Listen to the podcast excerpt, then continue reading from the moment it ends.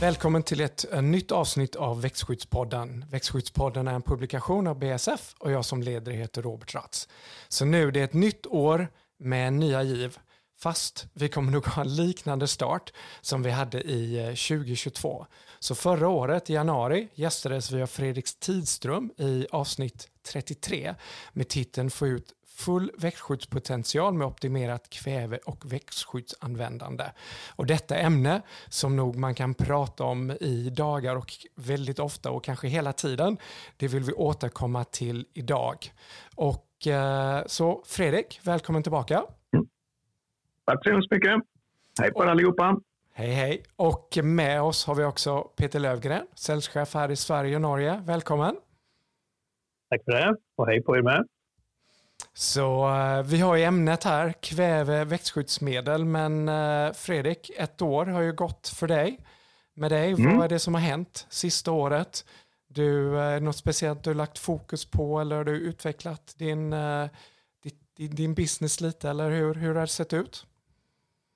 Ja, det har ju hänt ganska mycket under 2022. Det har varit ganska dramatiskt kan man ju säga med tanke på med kriget och allt vad det innebär med, med marknadsfrågor och sådana här saker. Så vi har eh, mycket fokus kring det. Det var klart, mm, odlingen är en del och marknaden är en annan del av det hela som kanske är minst lika viktig. Så, sen har vi valt att fokusera ganska mycket på vädret.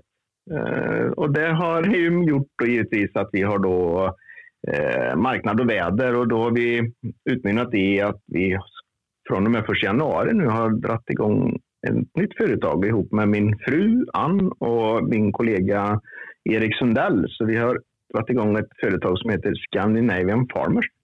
Eh, så det är det sista som har hänt. Det har krävt ganska mycket tid kan jag säga. Eh, så mm. det, och vad, vad är det som är annorlunda med Scandinavian Farmers om man jämför med Växtlab?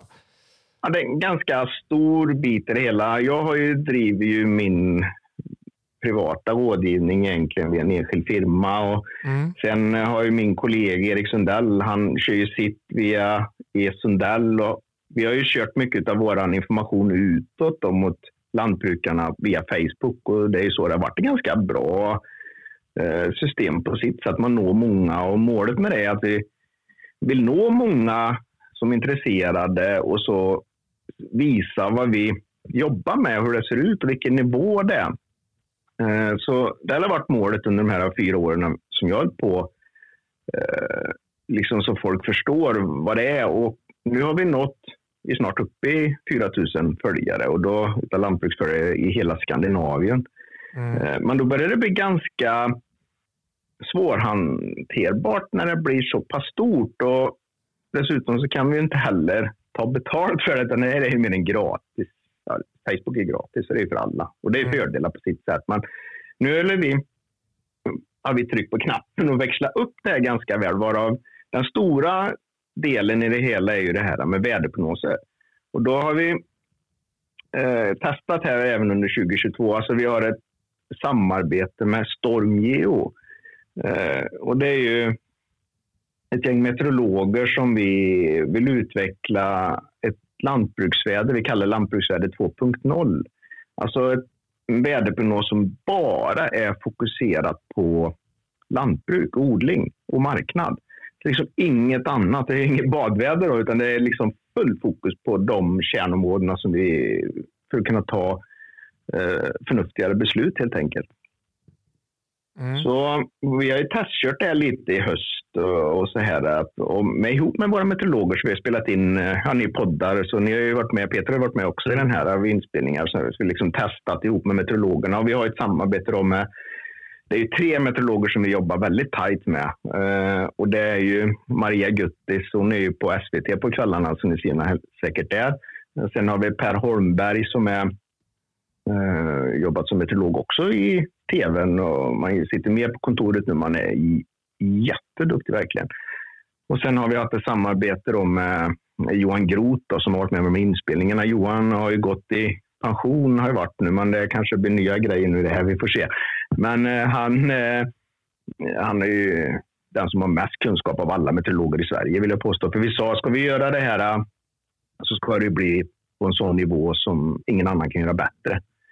Att, och då, I och med det så det är en ganska stor satsning för vår del. Det är ju en miljon om året för de här meteorologerna. Då. Så då, och då går det liksom inte via Facebook att ta betalt för utan då har vi skapat en hemsida som kommer igång här nu närmsta veckan, tror jag. Så, eller januari månad i alla fall, som då blir en hemsida med inloggning då, som en betaltjänst. Då. Mm. Och vad kommer den utveckla. Ja, den blir ju Scandinavian Farmers heter hemsidan. Då. Och sen via hemsidan sen så kommer det finnas, vi kommer lägga ner Facebook mer eller mindre, så då kommer det vara en flik som heter Växtab och en som heter marknadsnoteringar med Erik Sundell och sen kommer en som heter Stormgeo och så vidare. Sen kommer det även vi ha en eh, webbutik i den också då, så man, fast den blir inte låst utan den kommer ju alla åt. Där vi säljer gulskålar, nollor till presenningar och sådana här saker då, som vi använder inom odlingen. Då. Men vad, Fredrik, vad, vad, är det ni vill ha mer av när det gäller vädret? Vad är det du har mer av eller vad är det du inte vill ha när det gäller vädret?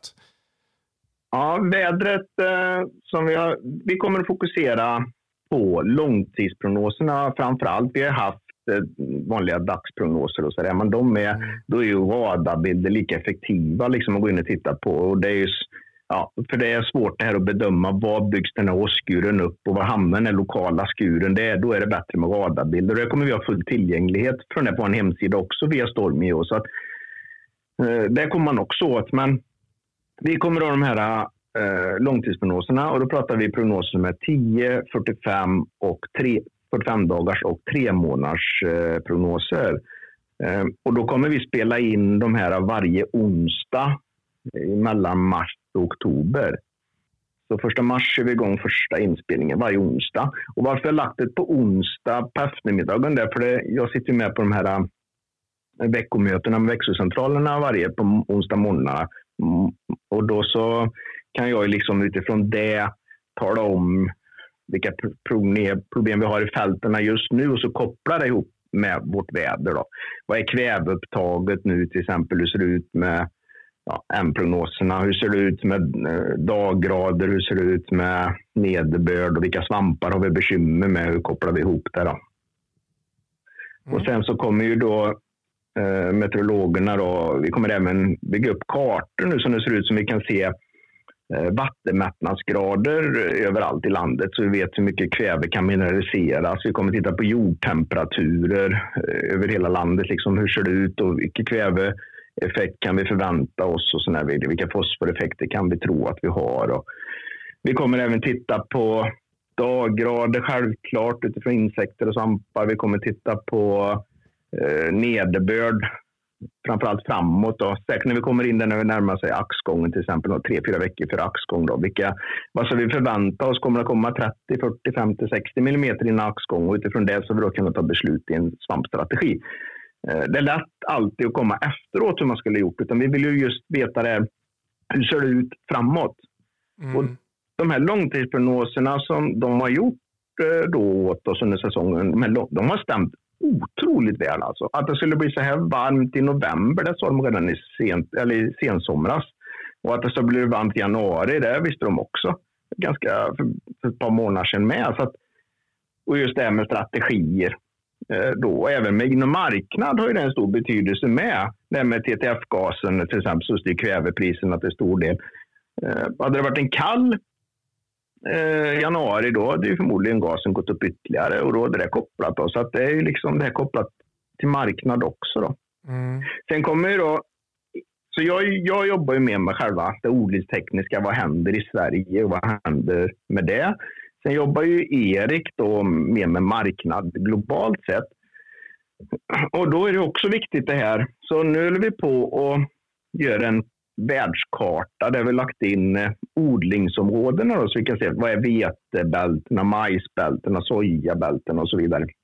Och så kan vi då se när vi har de här prognoserna hur, hur de här eller väder eh, La Nina och El Nino, hur det påverkar, hur drar sig det liksom, och hur påverkar det de här torra områdena, blöta områden och så vidare. Så därifrån kan man ju få en bättre indikation om vad som kan hända i spannmålspriserna. Då.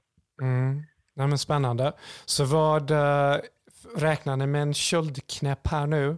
de, de närmaste veckorna eller ser det fortfarande fortsatt varmt ut? Eller varmare Eh, februari. det brukar vara? Ja, februari ser ut att bli kallt, så att eh, den är motig. Med tanke på all snö som har försvunnit nu på all raps och sådär, som är lite bekymrade. Så Ja, vi har inte haft någon, den sista uppdateringen här. Vi har haft så mycket med våra hemsidor nu så vi har tappat fokus på vädret tyvärr. Men eh, vi, eh, vi ska hoppas vara igång här nu i alla fall eh, snart. Lite rejält, för vi får ju tusen frågor om hur det ser ut i vår. Eh, kan nu med, ja, så, men som sagt, eh, februari ser ut att bli lite kallare, ja. Mm, Okej. Och du sa också det här med marknaden. Vad, eh, Mm. vad, vad skulle du säga är det som händer på marknaden nu? Vad är, vad, är, vad är trenderna? Om man tittar så. Mm. Trenderna nu, om vi tittar på spannmålshandel, det kom ut i förra veckan nu så kom det ut den här sista USD-rapporten och den är ganska avgörande. Då. Den talar ju om lite mer hur eh, situationen ser ut globalt sett på lager och även det som är sått och så vidare. Då. Så det är en ganska viktig att sätta sig in i det. Vi håller på för fullt fortfarande. Mm. Men vi ser ju annars marknaden just det sista har varit ganska efterfrågande styrt så att säga. Så att det är mycket prat om att efterfrågan minskar på grund av att det är oroligt i världen kan man säga. Och då har det varit så mycket fokus på det. Men vi ser inte, vi ser en väldigt stor brist på både raps och spannmål och så. så vi, ja, vi tror snarare att det kommer att bli en, ett litet en prishöjningar här nu framåt mitten på januari. Eh, Det är ganska avgörande vad som händer. Nu är eh, börsen stängd i, idag för det är sån här ledig långhelg eller vad kallas det något i USA. Men Mm. eh, vi tror att det kommer att bli ett rally. Vi ser ju i alla fall att det är vegetabiliska oljor eh, framför allt har ju minskat ganska rejält på lager. Och det är i kombination med att eh, sojamjölet har stuckit ganska häftigt i pris det sista. Det är sådana faktorer som vi tror att rapsen kommer att bli ett stiga i pris. Mm. Eh, Så det finns många, mycket som talar för det positiva. Ja. Så är det ju. Så, eh, men sen är det inte alla som håller med oss om det kan jag säga. Det är långt ifrån alla. Så det är ju hur man tyder de här eh, rapporterna och så vidare. Men en får ju, ja, vi försöker sätta sig in lite i detaljer i alla fall och sen får ju var och en eh, ha sin uppfattning olika. Det är olika hur man ser på det hela. Men, ja. nej men bra. Och, men då, som sagt, du, hade, du hoppas eller tror på en positiv utveckling. Då kryssar vi, håller vi fingrarna här att det är du som har rätt. Ja, eller hur? Ja, nej, men vi tror ganska hårt på det kan jag säga. Så, och vi ser ju även det med gödselmedel och jag följer ju mer kanske gödselmarknaden än vad, än vad Erik gör. Han följer med spannmål då och ser ganska trend där också. Att det har gått ner ganska rejält det sista, både urea och, och, och ammon, ammoniumkväve. Så att, eh, och, det, och den börjar liksom att stabilisera sig. Något jag såg nu, urea har börjat till och med vända och gå lite svagt uppåt.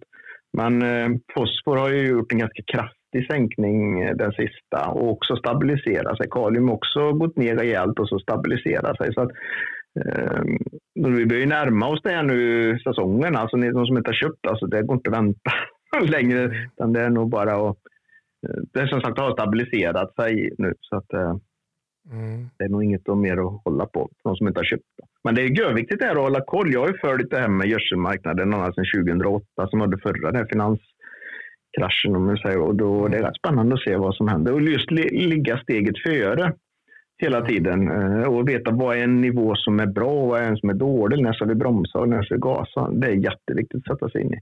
Mm.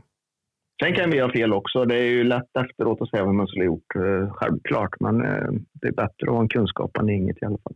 Precis, och det, kunde man, det kommer man kunna få, fortsatt få på Scandinavian Farmers. Då är det, då, då är det det vi rekommenderar. Men eh, Fredrik, jättespännande eh, och verkligen ett, eh, ska jag säga, ett spännande sätt att eh, hålla, hålla samman allt, men sen också ge mer runt den här kunskapen som, som ni också vill dela med er. Så, men bra, men om vi då tittar på dagens ämne här så hade vi tänkte prata lite om kväve och växtskyddsmedel. Men ifall vi kanske bara gör en liten grundkurs här, här i början om man tittar på kväve och, och mineralisering.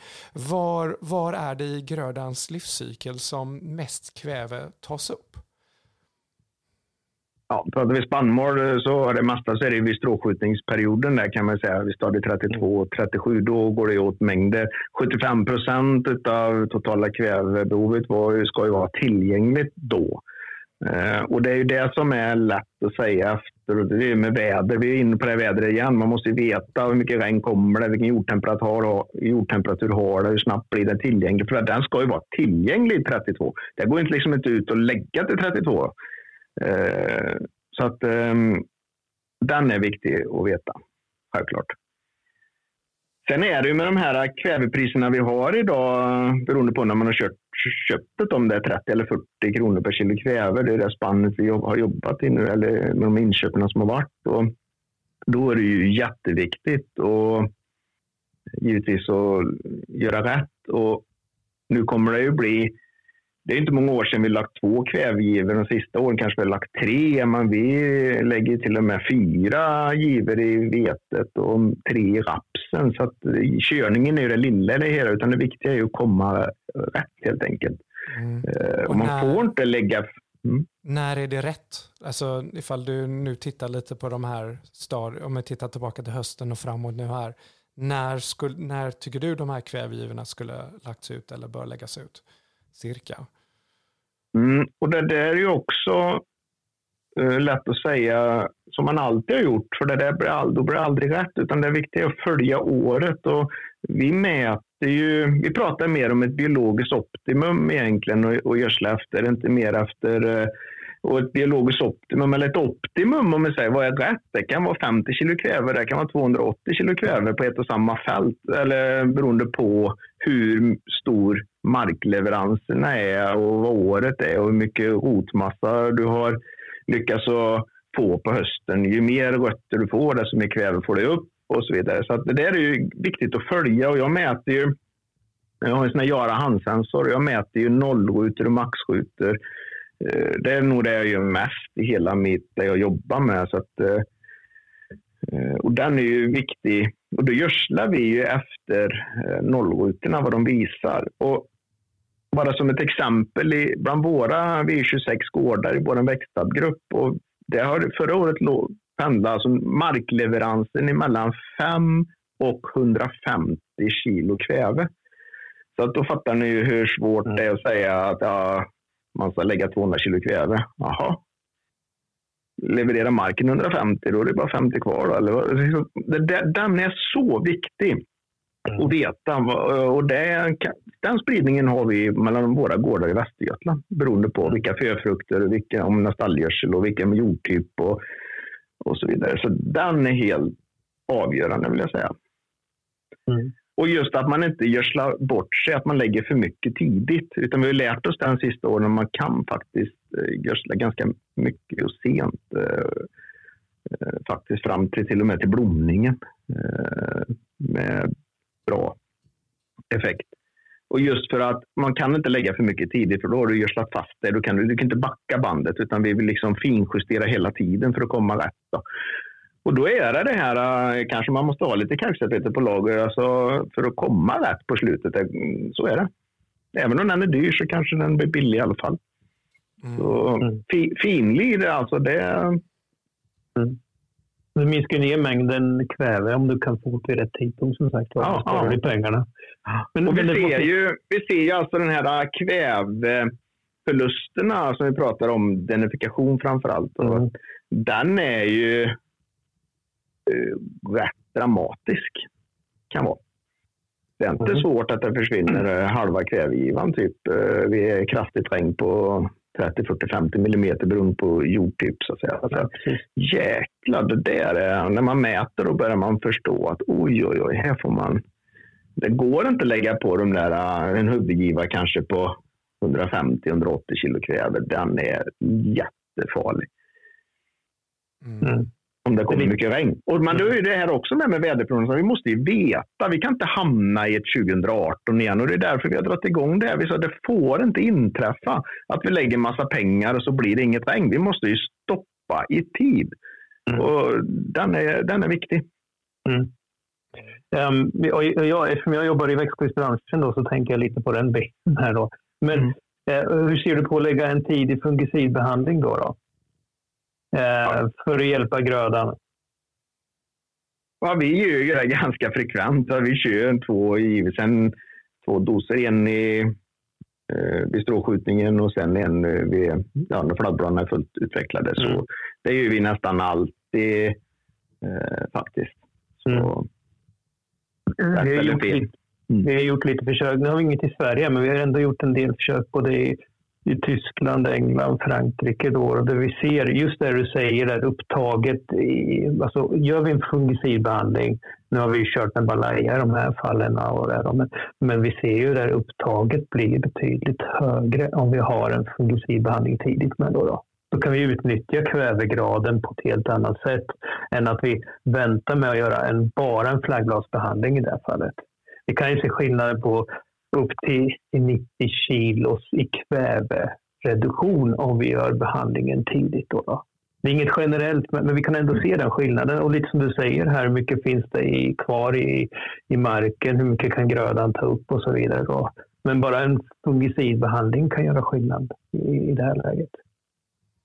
Eh, generellt sett så är det inte 90 kilo, men tittar vi på fler försök som vi har gjort eh, runt omkring då, så, så ligger vi kanske någonstans 30-40 kilo lägre kväve som behövs för att uppnå samma skörd om vi gör behandlingarna tidigt. Då, då. Och, och, då kan vi ju också lägga till med att vi lägger till en tillväxtreglerare ganska tidigt för att öka på rotmassan dessutom. Då, då. Och då får vi ytterligare ett bättre upptag. Då, då.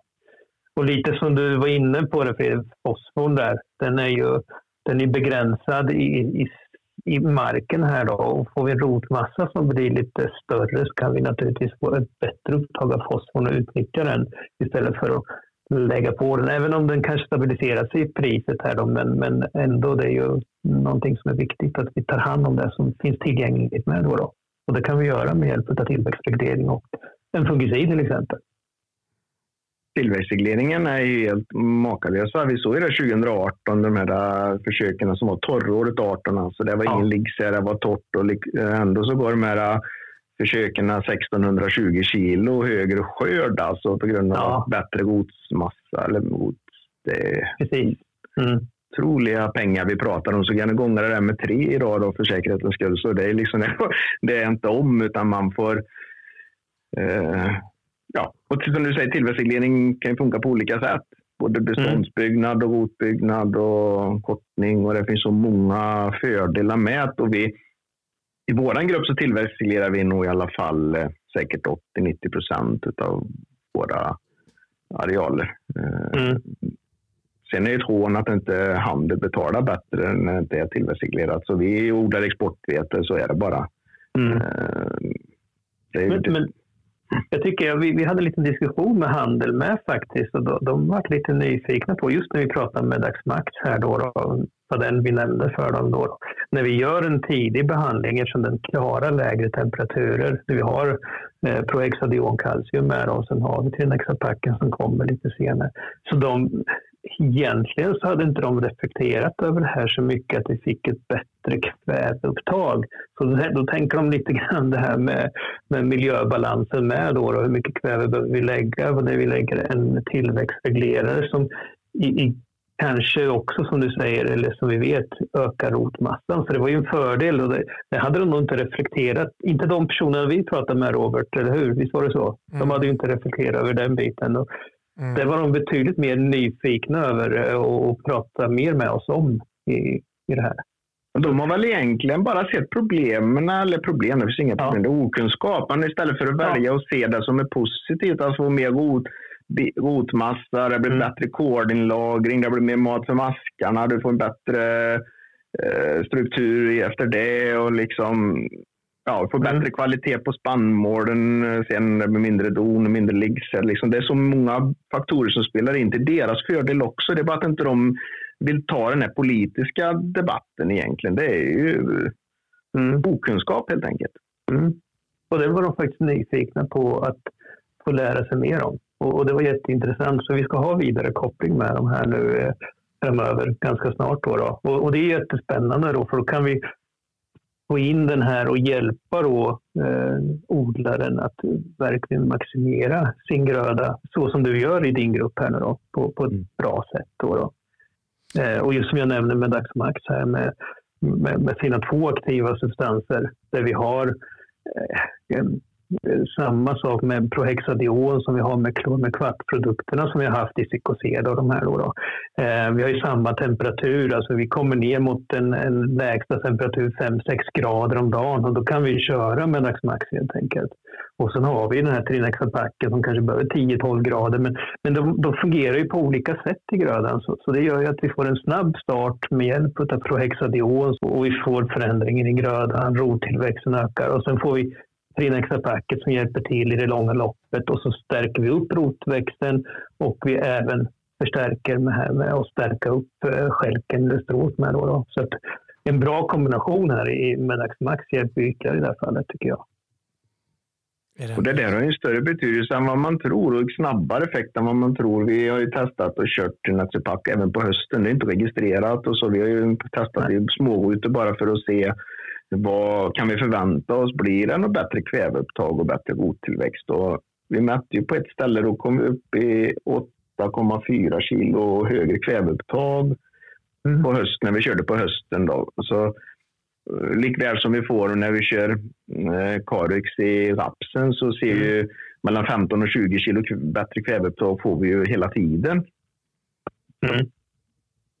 Det har ju en jättebetydelse verkligen. Absolut. Absolut. Men jag tänker också, och med tank... förlåt, mm. men jag tänker också det ökar nog också flexibiliteten, kanske när, när man kan köra. I mig, du kanske har, säg med dagsmaxet, du har ett längre tidsspann eh, som gör att du har en viss flexibilitet när vad temperaturen är. Mm. Men, men ju tidigare du kör, ju bättre är det naturligtvis för rottillväxtens skull. Och, och som du säger, Fredrik, här, alltså, kväveupptaget är ju i, i stråskjutningens början egentligen. Där har vi det stora upptaget. Det där vill vi ha den stora rotmassan och då vill vi ha tillväxtregleringen och rottillväxten redan innan. Så just den här höstbehandlingen som inte är tillåten och som vi inte säger att man ska göra, absolut inte. Men, men, men den hade ju varit jätteintressant att få någon bättre rottillväxt på hösten så vi hade ett bättre upptag på, på våren när det verkligen ska tas upp väldigt mycket. Då, Helt klart. Men det är ju, flexibiliteten i Medax Max gör ju att vi kan komma ut väldigt tidigt. Som sagt. Och det, doserna där, vi, vi kan ju se en, en, en ganska låg dos, kanske 0,25 till 0,3 eh, hjälper ju massor i det här läget faktiskt. Så väldigt bra produkt skulle jag säga att plocka in tidigt i, i grödan då för att optimera.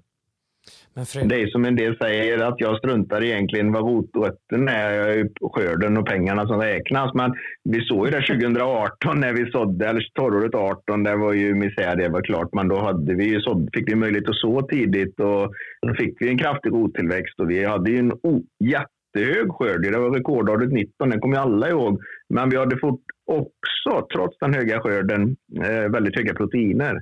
Vilket tyder på att vi fick upp mycket kväve sent på grund av att du hade en bättre otillväxt. Mm. Mm. mm. Men Fredrik, när du sa tidigare där med spannmål, fungicider, sa du ju vid stråförskjutning och axgång. När, eh, om du tittar på tillväxtreglering, säg till exempel med spannmål men även med raps, när rekommenderar du det? Eh, du tänker på tillväxtreglering med rapsen när vi kör på hösten. Vi brukar ju köra ganska tidigt där då. Ni säger väl eh, fyra till sex blad typ, men vi, mm. eller ja, vi har ju till och med kört tre, fyra blad. Alltså, eh, vi kör ganska tidigt med väldigt bra effekter kan jag säga. Och vi är inte att vi har sänkt dosen heller, utan vi har legat på den här 0,07 även i tidigt och det mm. stoppar jäklar alltså.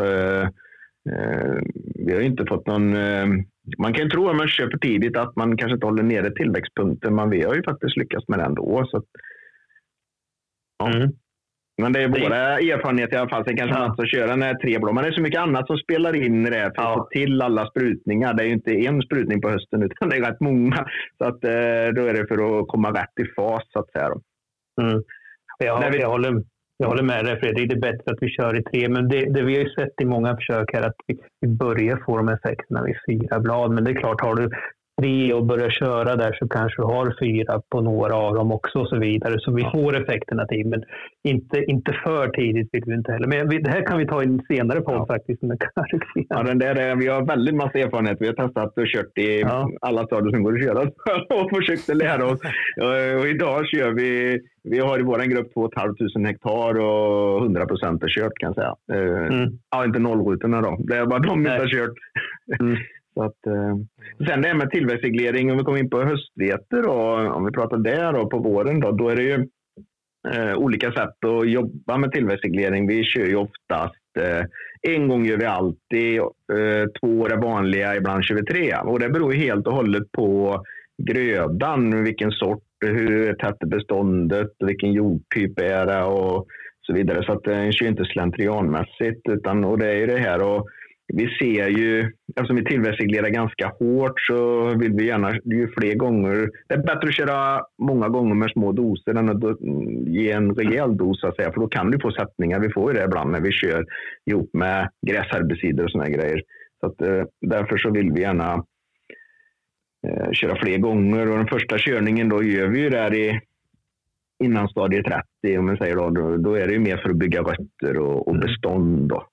Mm. Eh, sen när vi kommer upp i vid strålskjutningen 32-37 någonstans, då är det en ren kortning helt enkelt. Mm. Och sen den här sista vi gör det upp med svampkörningen då vid axgången. Då, det är mer för att korta avståndet mellan flaggblad och ax. Då. Och då, det gör vi med de här som har väldigt mycket stallgödsel och kanske kommer lite fel på det. blir en högre markleverans än vad vi trodde och det kanske är ja, då får man ju trycka till ett ytterligare en gång. Så att säga. Så det går ju att anpassa, dosanpassa. Hela vårat går ju, det är ju inte bara att ösa på, utan konsten är ju att balansera det. Och, ja, biologiskt optimum mm. oavsett vad man än håller på med. Så att, eh, en, en giva kan vara rätt och tre kan vara rätt också. Så det är ju... Mm. Det beror ju en del på, på året med som du säger. Men precis. Har vi torrt eller har vi väldigt blött? Eller kanske jordtyp och alltihopa med. Ja. Det är, är vi, då är vi på det här med väder igen. Alltså jag säger det, ja. det ju, hur vi än kommer så hamnar ja. vi på det vädret. Ja. Tänk om alla säger att ja, kunde vi bara kunna det så vore det en enkel match. Ja, jo det är det ju. Men eh, då, då måste vi kunna använda de redskap som finns. Och det finns en otrolig kunskap alltså. Eh, men de vet ju inte om de här meteorologerna oftast. De jobbar ju kanske med de vi har jobbat med, de jobbar ju inom försvaret och de jobbar med oljeplattformar, fartyg, frakter och sådana saker. Det är ju en typ av eh, väder. Vi måste veta något helt annat. Och det här med vattenmättnadsgrad och jordtemperaturer som jag fokuserar mycket på, det hade de ingen aning om. Men nu har de faktiskt plockat fram sådana här kartor till oss som vi kan titta på. Så att, eh, vet de bara vad de ska titta på så gör de det, inga problem. Så det är häftigt alltså. Mm. Men, eh, men Peter, det jag också hörde dig säga tidigare var att du, eh, man kan optimera kväve med växtskydd. Att man till en viss del mm. kan hålla tillbaka lite kväve med, med växtskyddet. Mm, ja, riktigt. Jag, jag, jag var inne på det lite, lite snabbt där, men, men det är som jag sa, vi, vi har gjort en hel del försök i både eh, Tyskland, eh, Frankrike, England och så vidare. Där även Eidas var inkopplat i, i, i England. Då, då. Mm. Och vi, vi kan se det att vi kan optimera, vi kan minska, som jag nämnde, upp till 90 kilo kväve då, då, eh, om vi gör på rätt optimum här då. då. Eh, men, men, generellt sett ska vi säga att det kanske är mellan 30 till 45 kilo kväve man kan minska ner med att göra en tidig behandling. Men, men ytterligheterna kan göra ännu mera mängder. Då, då. Men då är, då är vi åter tillbaka där som Fredrik säger. Kan vi, vet vi väder och alltihopa så kan vi styra på, på ett annat sätt. Då, då. Sen, sen, är det naturligtvis en sak i det här, man måste tänka sig för. Nu, nu har inte tagit hänsyn till om det är brödkvalitet eller vad det är för någonting. För det är sådana bitar man också måste mäta in i det här. Men, men, men generellt så, så, ser vi att vi kan eh, ha en lägre kvävenivå eh, och, och framförallt att vi har ett, ett uttaget optimum tidigare i grödan om vi gör en fungicid Precis som ni gör i er grupp Fredrik. Ni, ni kör ju tidigt som du sa här. Så jag håller med Fredrik. Och sen har man gjort den här tidigare behandlingen, då är det inte riktigt så. Skulle det bli torrår så kanske man kan hoppa den sista, men då har det ändå skyddet ligga lite före. Vi har ja. jobbat en del med såna QPCR-prover och grejer och försöka ligga steget före så man får reda på att vi har DNA liksom och se eh, att man kommer rätt. Det är, det är dit vi vill komma. Alltså, vi vill ju veta vilka svampar kommer. Vi vill inte veta när de kommer. Eller det ser du med ögat. Vi vill ju veta några veckor innan. Eller några veckor. Så här tror vi att det kommer utvecklas. Det kommer komma gulgås om en vecka. Mm. Innan vi ser eh, pusslarna så att säga. För då är det egentligen mm. för sent om vi ska utnyttja preparaten. Det måste ju vara förnuftigare att ligga steget före och kunna gå ner på lägre doser och effektivisera det hela. Ja. Merparten av alla produkter är ju preventiva. Det är mm. för att skydda dem. Så vi har vissa kurerande effekter med dem, men merparten är ändå förebyggande effekter, som du säger. Absolut. Nej, men, eh, spännande, för om man tittar, det, det, det, jag pratade lite om så här grundkurs i början. Eh, du var också lite på det här, bägge två har ni varit inne på det här, för vi vet ju att eh, de, den sista kväven man ger ger ju en mindre merskörd än de första mängderna man ger, men samtidigt i proteinmässigt så ju mer kväve du ger får du hela tiden mer protein uppbyggt. Så den, jag tänker den proteinbalansen är väl också jätteviktig, speciellt när man ja, eh, odlar till exempel brödveta. Det är ju, lägger du för mycket tidigt så blir det ju inte tillräckligt upp i proteinet och det är därför man lägger med lite senare. Proteingiven eller kompletteringsgiven eller vad man nu kan välja att kalla det. Eh, och den kan ju vara den kan vara 40 kilo, den kan vara 80 kilo med. Så Eh, det, är ju, det där måste man mäta sig fram till och det kan man ju då med den tekniska utrustningen vi har så är det ingen konst det här att mäta fram vad grödan har tagit upp om man nu har nollrutor. Och kan man ju se vad, vad levererar marken och vad har grödan tagit upp och så kan man räkna fram hur mycket min, min, eller mineralgödsel det finns kvar så att säga då, för att kunna göra komma back på slutet. Så det, idag har vi ju ganska bra hjälpmedel till det där. Mm. Och du nämnde eh, Fredrik också där runt denitrifikation, att, liksom att det kan ju också vara läckage, kan ju vara ganska dramatiskt. Eh, mm. förutom, som du säger, kanske att följa och vara en fin lirare när det gäller kväve. Finns det några andra verktyg man kan ta till? Eller är det mest bara att man ska vara aktsam på hur man, hur man, hur man ja, helt enkelt hur man gör det? Vi har ju maxrutorna då för att se om när kvävet börjar ta slut. För då kan man ju se det här om det har försvunnit någonting eller att det börjar ta slut. Vi lägger maxrutor in till nollrutorna, alltså där vi lägger 50 kilo mer kväve. Då ser vi än vad grödan har fått så att säga. Och då ser man ju ganska snart det där, liksom var det barkar hän. Men sen mäter jag ju, jag har ju väderstationer olika slag, eller på testar jag har även en sån här handburen eh, vattenmätare, alltså mäter vattenmättnadsgraden i jorden. Och då mm. kan man ju se det ganska fort när man har kommer upp i vatten, vattenmätnadsgrad på 40 procent till exempel. Då är det vattenmättat och sticker kvävet. Alltså, så är det bara. Och det där gjorde vi eh, använde jag när jag var med tävlade, lintävlingen. Eh, och då kom det massa regn i maj och det, då var vi uppe i de här 40 procenten i alla fall. Då då la vi på 40 kilo mer kväve tror jag det var bara för att bara inse att hälften försvann utöver lagt. Så det är bara att lägga på. Och det visade sig att det så var det ju. Så att mm. man konsten är liksom att lita på tekniken. Ibland blir man så här, kan det verkligen vara rimligt? Man, det är rimligt. Det är bara att vi inte vill att det ska vara rimligt. Det är som med vädret. Om det visar sig att det ska komma 100 millimeter. Nej, nej, nej, nej, vi vill inte. Nej, det är en annan sak. Så att, eh, Nej, precis. precis. Alltså det, det, är ju jätteviktigt att mäta och vi mäter jordtemperaturer också. Det här. Men då för att veta mineraliseringen och sånt där. Så ju mer man mäter, ju mer kommer man ju. Och det finns ju grejer. Jag håller på att testa en jordstation just nu som ett äh, estländskt företag som håller på att utveckla den och kör mycket i många andra länder. Men nu håller på att testa den i Sverige och den mäter ju också det med vattenmättnadsgrad och sen även hur mycket kväve det finns i marken och eh, ledningstal och sådana grejer. Och då får man en graf varje dag och den är intressant för då ser man ju eh, när kvävet börjar ta slut. Då ser du om det ökar eller minskar. Och sen när du väl har gjort en insats, lagt på kalksalpeter, sen efter en vecka så ser man ju, då går den upp igen den här kurvan liksom och sen så börjar det ta på det igen. Så då ser man ju också de här eh, tendenserna så att säga. Eh, så det, det, och de har ju vissa stöd för det där. De här. Jag tror både Finland, Estland, Lettland och Litauen får ju eh, miljöstöd för att de använder sådana här för att man ska...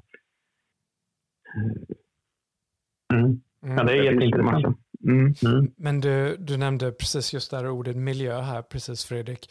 Uh, mm. När man tittar på, på kväve och, och handelsgödsel generellt sett så har det en stor påverkan på själva koldioxidfotavtrycket på en, på en gård.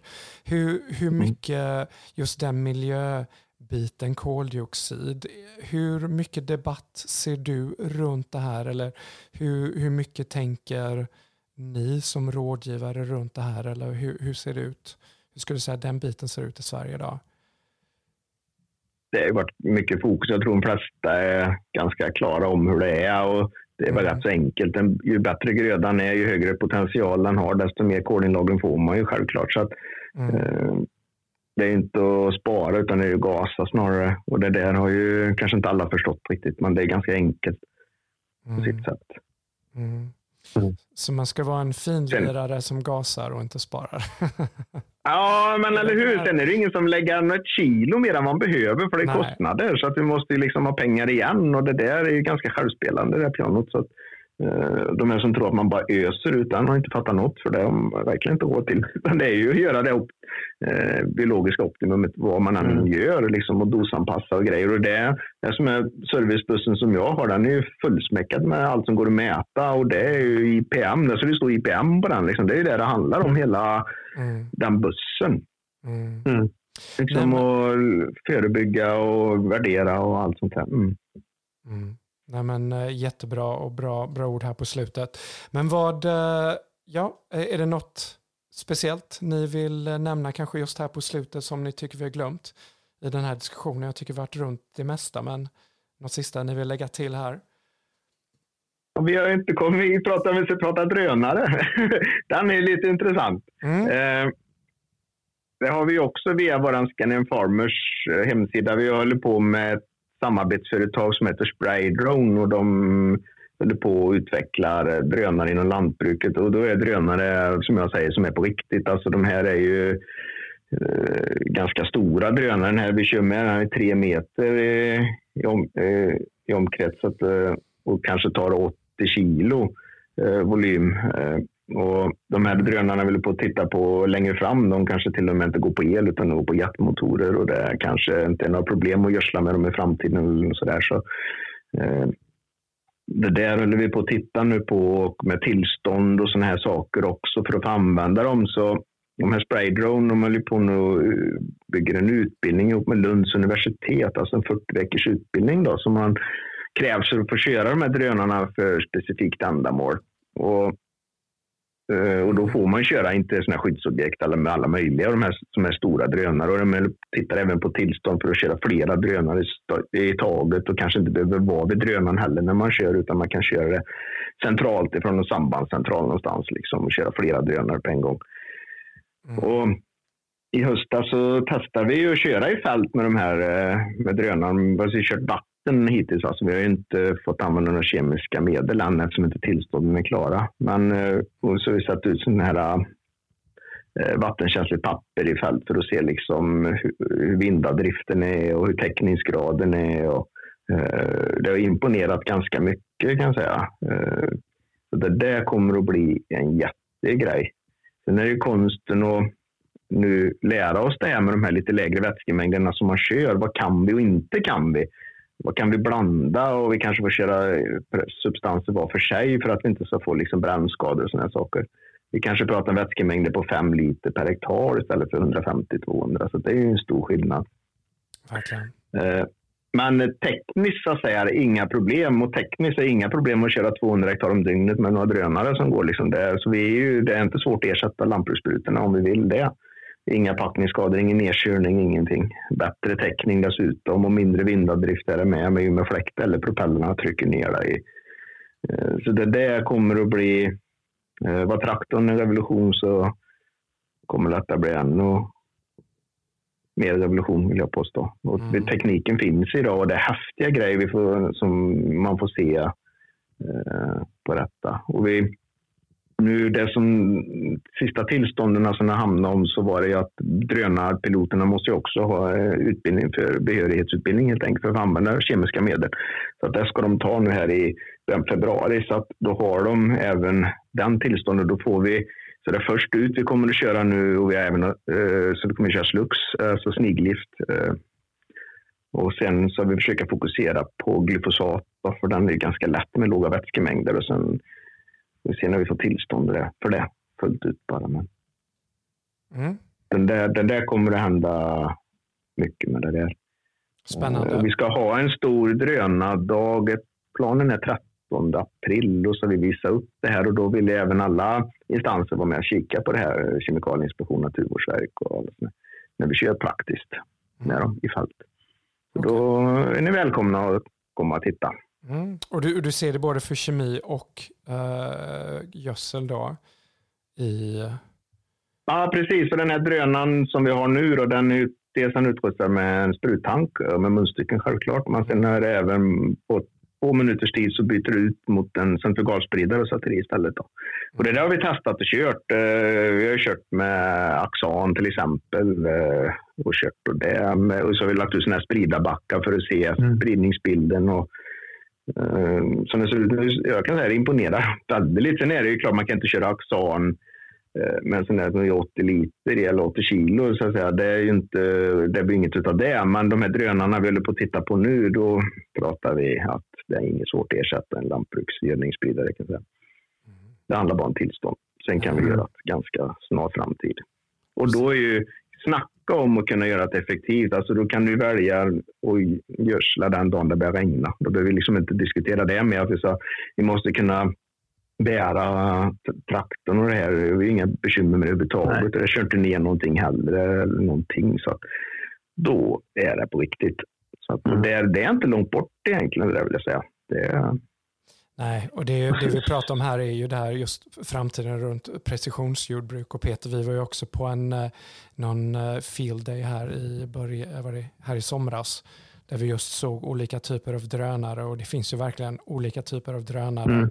och också kombinera det även med kartor och teknologier och, och, och hela den biten. Så det är absolut en eh, spännande vad just den här teknologin kan medföra. Det är det. Och det är ju många som tycker, om man var för precision i det. Ja, först då kör de med en sån här vingglidare först och skannar över. De skannar 350 mm. hektar i timmen då, och då får du ju fram alla diken och brunnar och så lägger du bort dem och sen så sätter du upp RTK-stationer och så lägger du in körspår helt enkelt. Om den sprids på tre meter eller fyra eller fem eller sex. Och sen så lägger du upp körspår så följer och så stänger av i brunnar. Och så, så det, det, liksom, det är inga problem, det är löst alltså. Och den här skanningen då som vi gör med de här vingglidarna. Målsättningen är att till i vår att vi ska, om vi får tillstånd klara med allt, att vi ska liksom kunna scanna in eh, renkavlepartier till exempel innan vi börjar harva på våren. Att vi kan eh, köra på glyfosat på de här fläckarna. Då. Bara mm. där det är renkavle, inget annanstans. Så, att, ja. så det finns ju likväl som ni har de här kamerorna ni håller på med så är det också en del i, mm. i det hela som är Precis. jätteintressant. Precis, vi tittar mm. på det här Smart Sprayer som är ett samarbete mellan BSF och, och Bosch. Men eh, Fredrik, jag vet, när vi pratar nya teknologier så något vi kanske just här på växtskyddspodden vi inte pratat så mycket om men det har ju också dykt upp lite i svensk i media, jordbruksmedia, de här closed transfer systems, eh, slutna pålfyllningssystem där sprutföraren aldrig kommer i kontakt med medlet utan det går direkt från dunk till spruttanken med hjälp av det här systemet. Hur, eh, hur tänker du runt ett sånt här system, Fredrik? Vi är glada eh, ju fortare det kommer. Alltså det pratar nästan alla lantbrukare om. Att tänk om det fanns det och tänk om det. För det här är ju kludd. Eh, hur du än gör så blir det ju. Alltså det där är ju snack om framtiden. Jag hoppas verkligen att det går fort och det utvecklas det med dunkar och korkar och allt vad det är som ska passa till. Jag tycker det, det, det är ett framsteg för användarna och det är ju alla det. Mm. Man använder mm. kemiska medel. Mm. Nej men eh, precis, så det, det är ett konsortium här av olika växtskyddstillverkare som jobbar på det här. Eh, och, eh, och jag vet att nu här i Danmark här i 2023 så kommer vi sagt ha en mjuk lansering med några produkter så jag hoppas att något som i Sverige, att vi maxar cirka två år efter eller något sånt. Så, så det är också väldigt, eh, väldigt spännande. Nej men eh, jättebra. Eh, jag vet inte, Peter, något du vill tillägga här på slutet? Teknologier mm, nej. vi pratade om tidigare?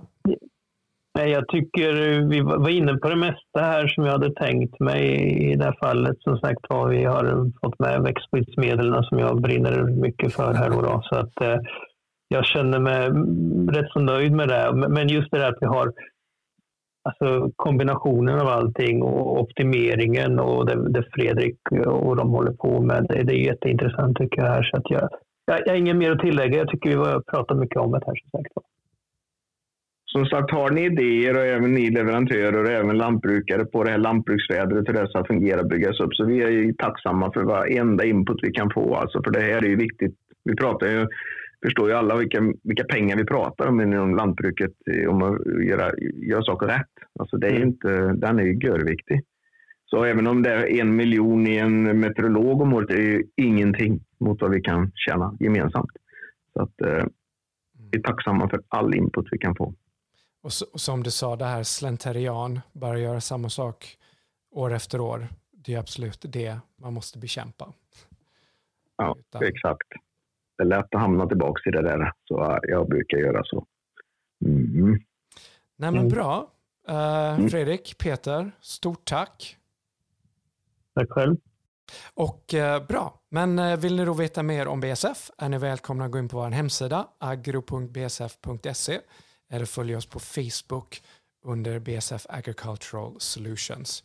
Och Fredrik och eh, Växtab hittar man idag eh, på Facebook under Växtab, men då Fredrik som vi pratat snart i framtiden här med Scandinavian Farmers och det blir då spännande att se hur det går. Här på Växtskyddspodden så tar vi ju gärna eran feedback. Så skriv då gärna till oss på vaktskyddspodden snabela bsf.com. Vi även nämner produkter idag som inte är BSF-produkter. Så Slux eh, marknadsförs av Nordisk Alkali och Axan marknadsförs av Jara. Vi har pratat om växtskyddsmedel, så glöm inte, använd växtskyddsmedel med försiktighet. Läs alltid etikett, etikett och produktinformation för användning. Observera alla varningsfraser och symboler. Och som BSF är vi medlem i, i Svensk Växtskydd. Så tack för att du lyssnat och på återhörande. Hej då! Hej då!